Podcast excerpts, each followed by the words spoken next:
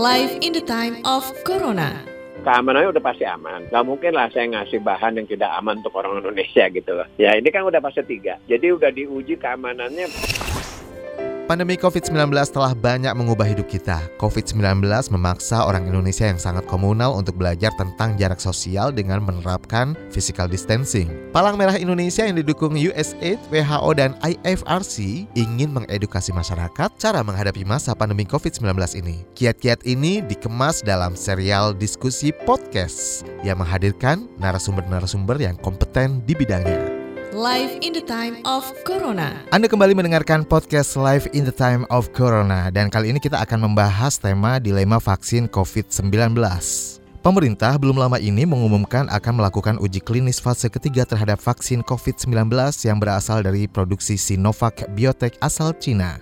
Diperkirakan uji klinis baru akan selesai awal tahun 2021. Ini berarti vaksin tidak akan siap dalam waktu dekat. Organisasi Kesehatan Dunia WHO juga menegaskan, vaksin virus corona tidak akan siap hingga awal tahun 2021.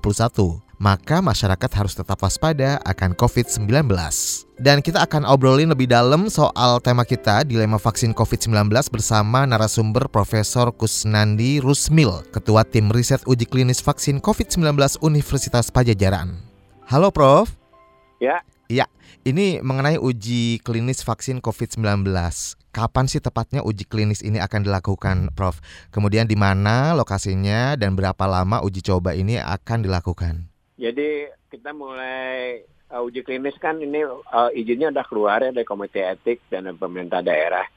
Jadi kita besok itu latihan ya, latihan petugasnya karena kita mesti benar-benar uh, terampil semuanya oleh karena yang di uh, ambil subjeknya ada 1620. Jadi uh, keahliannya harus sama. Ya. Nah, kita mulainya itu awal Agustus. Ya. Hmm. Itu selama tujuh bulan. Gitu. Jadi akhir dari penelitian ini uh, ada dua tahap. Pertama bulan Januari 2021 ya, terus akhir semuanya itu bulan Maret gitu loh. Ya.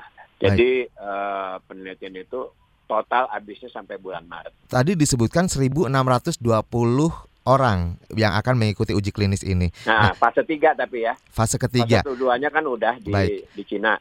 Ya, Ini fase tiga. ini berapa eh, dari relawan atau siapa sih orang-orang yang akan diuji ini, Prof? Siap, siapa aja boleh asal sehat, berumur antara 18 sampai 58 59 tahun. Siapa yang mau ikut boleh aja, tapi kan nanti yang mau ikut itu kan dicek oleh dokter sehat atau enggak. Begitu sehat, ya, enggak eh, semuanya sehat, darahnya bagus, enggak mengandung kuman COVID, silakan ikut gitu loh. Oke, jaminan keamanan bagi eh, peserta uji klinis ini seperti apa sih, Prof? Apakah jaminan lainnya juga eh, mereka akan mendapatkan seperti misalnya insentif gitu? Kalau keamanannya udah keamanannya udah pasti aman. Hmm. nggak mungkin lah saya ngasih bahan yang tidak aman untuk orang Indonesia gitu loh. Ya ini kan udah fase tiga. Jadi udah diuji keamanannya pertama-tama Pak preclinical trial itu pada binatang ya. Itu pada binatang ternyata binatang juga itu eh, baik dan efektif. Terus kemudian fase satu digu- digunakan pada orang antara 50 sampai 200 orang itu baik dan efektif. Fase 2 itu pada 400 orang sampai 600 itu baik dan efektif. Nah, fase 3 itu harus multi center. Yang fase 1 2 tuh nggak multi center itu kan di di Cina. Nah, Cina itu udah publikasi ilmiah. Jadi semua orang bisa baca, sila cari di clinicaltrial.com. Itu bisa kita lihat di FDA gitu ya. Tinggal kita cari aja di eh, Google gitu. Pasti keluar fase 1 fase 2-nya.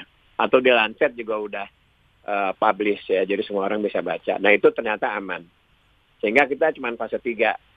Nah, fase 3 itu kan mesti ribuan. Di Indonesia itu 1620. Tapi di Brasil 8000. Ya, di India kalau nggak salah 2000 lebih. Belum lagi di Bangladesh juga ribuannya. Kita eh, secara statistik udah diperhitungkan dengan ada yang drop out dan sebagainya kurang kurang lebih perlunya ada 1620.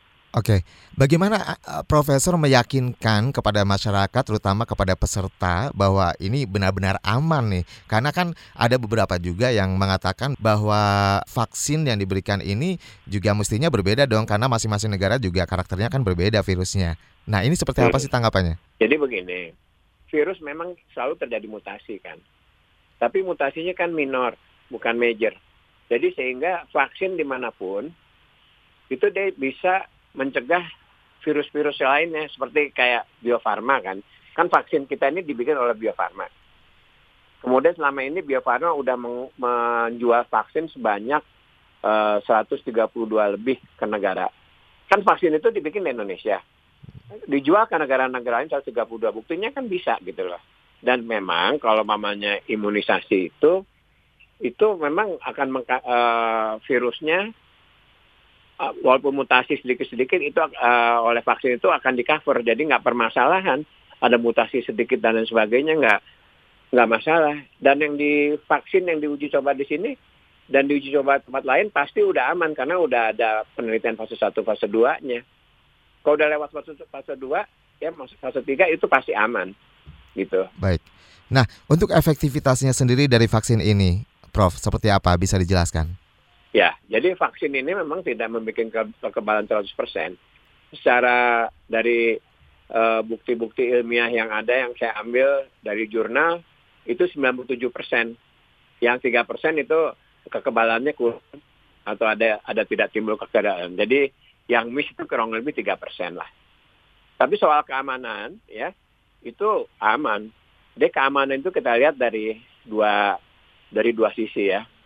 Uh, nyeri lokal sama sistemik. Yang lokal itu adalah kalau habis disuntik ada apakah timbul bengkak, merah, menebal dan sebagainya. Kalau yang sistemik habis disuntik timbul merah atau alergi atau apa gitu ya. Atau yang lemes gitu begitu habis disuntik. Nah, dari penelitian ini yang timbul reaksi lokal itu itu sebanyak 27 persen. Tetapi dalam dua hari dia itu hilang sendiri gitu ya. Jadi kemerahan, tebal itu hanya terjadi pada 27 persen, tapi selama dua hari udah itu hilang sendiri. Kemudian yang sistemik biasanya kita lihat 30 menit pertama. Ada nggak yang lemes habis disuntik? Ada nggak yang pingsan dari suntik? Ternyata uh, reaksi sistemik itu sangat ringan, jadi nggak ada yang begitu habis suntik itu uh, langsung atau pingsan atau apa sama penelitian fase 1, fase 2 itu nggak ada. Tapi masih mungkin aja. Gitu. Nggak usah disuntik sama yang uh, vaksin COVID. Uh, vaksin biasa pun kalau kita nggak kuat bisa aja dia hmm. akan lemes gitu. Makanya kalau habis disuntik itu 15 menit nggak boleh pulang di dipantau dulu seperti itu. Oke, untuk teknis uh, pemberian vaksin ini seperti apa, Prof? Uh, kemudian berapa petugas yang sudah disiapkan untuk dikerahkan oh, nih? Petugasnya sudah disiapkan. Ya dokter spesialisnya itu uh, ada kurang lebih hampir 30 dokter umum yang ada ikut di tim ini 30 belum lagi dokter-dokter puskesmas sama perawat-perawat puskesmas. Ya jadi timnya banyak sekali karena kita kan ambil di uh, 6 site ya. 6 site itu di uh, Fakultas Kedokteran yang di Jalan Ekman. Ya kemudian uh, Universitas Pajajaran yang jalan di Pati Ukur, kemudian ada empat puskesmas yang udah biasa kita melakukan uji klinis. Kebetulan saya sendiri gitu ya, selama ini telah melakukan uji klinis selama udah lebih dari 32 kali. Hampir semua vaksin Bio Farma itu karena mungkin oleh karena Fakultas Kedokteran sama Bio Farma itu sebelah-sebelahan gitu ya sama Hasan Sadikin, sehingga hampir semua vaksin yang dipakai di uh, negara kita ya yang untuk suntikan pada anak-anak itu yang satu bulan, kemudian dua, tiga, empat bulan, sembilan bulan itu uji klinisnya di tempat kita. Jadi saya sendiri udah melakukan uji klinis ini udah 32 kali. Oke. Okay. Jadi udah kami udah biasa ya. Jadi uh, memang ya itulah udah biasa gitu. Bisa dilihat di kalau kita lihat bisa beberapa laporan atau jurnal ilmiah tinggal cari aja di Google ya uh, vaksin clinical trial oleh Fakultas Kedokteran Unpad gitu. Baik, jadi untuk keamanannya sudah terjamin sekali ya, Prof. Oh ya udah terjamin, nggak mungkin lah saya ngasih yang tidak aman gitu loh. Baik. Ya. Nah, Prof, ini jika ada yang mengatakan nih masyarakat, sebagian masyarakat kita kan ada yang mengatakan kalau eh, uji klinis vaksin COVID-19 ini kenapa sih dilakukan di beberapa negara termasuk Indonesia ini? Apakah memang menjadi kelinci percobaan? Apa tanggapan Anda, Prof? Yang enggak lah, kok kelinci percobaan. Semua juga obat-obatan maupun vaksin kan mel- mel- melalui tahap-tahapan, tahapan-tahapan. Ya uji uji praklinis dulu, tadi kan pada binatang bagus, baru uji klinis fase 1 orangnya terbatas, fase 2 tambah banyak, fase 3 itu syaratnya mesti multi center, nggak bisa sendiri. Nah kita kan di Indonesia ada, di India ada, di eh, Brasil ada, dan di Bangladesh ada. Nanti hasilnya harus sama. Kalau nggak sama nanti dipertanyakan. Hmm. Dan itu pasti udah aman. Ya negara-negaranya udah pakai. Kayak di eh, Brasil makainya itu 8.000. Nah, kita kan cuma 1.220. Tapi saya nggak akan begitu aja. Saya pasti mempelajari dulu dan ini pasti aman gitu lah. Nggak mungkin lah kita nggak akan asal-asal itu nggak mungkin dipelajari dulu keamanan. Kan ini yang diberikan ini kan adalah kuman virus yang udah dimatikan. Oke, Artinya tidak akan menimbulkan penyakit. Baik. Pasti nggak menimbulkan penyakit. Kalaupun reaksi juga eh, tadi disebutkan dua hari hilang ya, Ya. Prof? Nah itu terjadi reaksinya cuma 30 persen. Oke, Jadi yang yang yang ada demam gitu ya, terus timbul merah kan habis disuntik anak-anak kecil kan juga suka gitu ada bengkak, ada merah. Nah itu dalam dua hari hilang. seperti Ya. eh, di eh, imunisasi itu ya, Prof ya? Iya betul persis kayak Persis imunisasi. sama ya. Dan yang terjadi itu cuma 30 persen yang ada bengkak, ada merah gitu nggak semuanya. Baik. Dan dia dalam dua hari dia hilang sendiri.